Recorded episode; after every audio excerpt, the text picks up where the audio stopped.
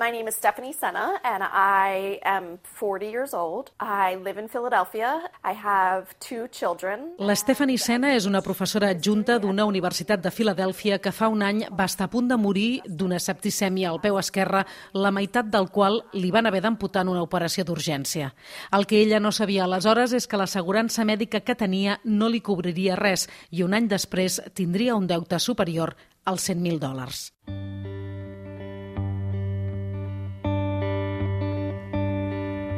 Stephanie va haver de buscar-se una mútua mèdica per primera vegada a la vida a l'agost del 2018, després de separar-se del seu marit. A través d'un agent va contractar una assegurança de 340 dòlars al mes, que li va garantir plena cobertura.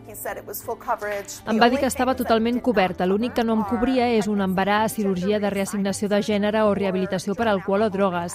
El plan al final no em va cobrir res, però crec que em van dir aquestes tres coses per intentar convèncer-me que tot estava bé.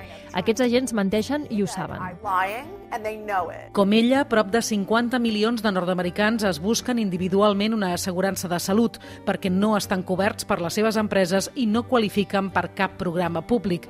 Són carn de canó davant els milers d'opcions i excepcions que hi ha al mercat de la sanitat dels Estats Units, el més gran del món amb una despesa de 3 bilions i mig de dòlars l'any, o el que és el mateix, una mitjana de 10.700 dòlars per persona. Els marges queden prop de 30 milions de ciutadans que no tenen absolutament cap cobertura mèdica. Al voltant d'un 10% dels nord-americans no tenen cobertura i, malgrat tenir dret a ser atesos en una emergència hospitalària, els poden cobrar pels serveis rebuts i haver-ho de pagar de la seva butxaca. Robert Field, professor de dret i expert en gestió sanitària de la Universitat de Drexel. Això explica per què tants nord-americans s'arruïnen per culpa de la sanitat.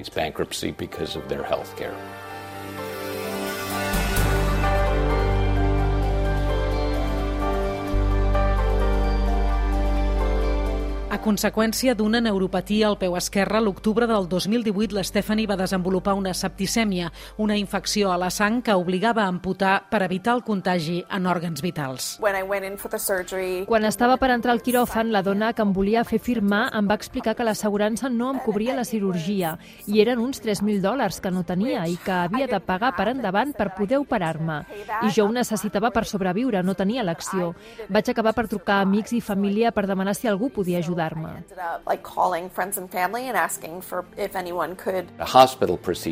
Un procediment hospitalari pot implicar molts doctors diferents i alguns van per lliure.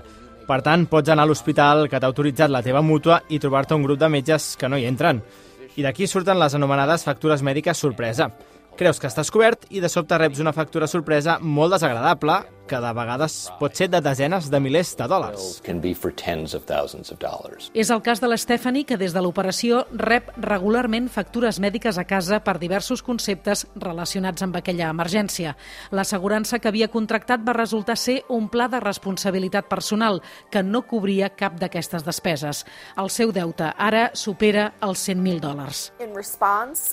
Com a resposta, em van retornar totes les primes que els havia pagat, menys de 2.000 dòlars dòlars, la qual cosa està molt bé, però comparat amb els més de 100.000 dòlars que dec no és res. Cada cop més consumidors són víctimes del frau perquè aquestes companyies actuen així sense cap repercussió, tenen completa impunitat. Jo guanyo del meu sou de professora adjunta 700 dòlars al mes i tinc l'assignació per als nens del meu exmarit, però no puc dependre sempre d'això. Sento que en algun moment ho arreglarem. El deute que tinc, que és enorme, el pagaré amb el temps, però no sé quan perquè simplement no en tinc per donar. Our job tomorrow is to create a Medicare for all. Healthcare is a basic human right. Are you ready to fight for basic human rights? Are you ready? Are you ready?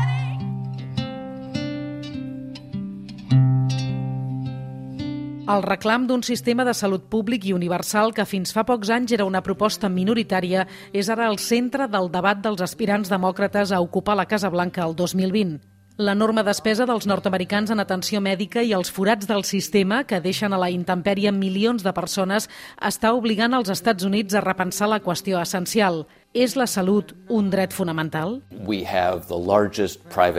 Tenim el sistema de salut privat més gran del món, que tendeix a veure-ho com una mercaderia en què cadascú té el que es pot permetre. I els nord-americans tenen molta por en general que si això canvia es perdran opcions. El ciutadà mitjà crec que es troba entre dos pols Un és que tothom ha de tenir accés a l'atenció mèdica i l'altre és que hem de tenir les màximes opcions.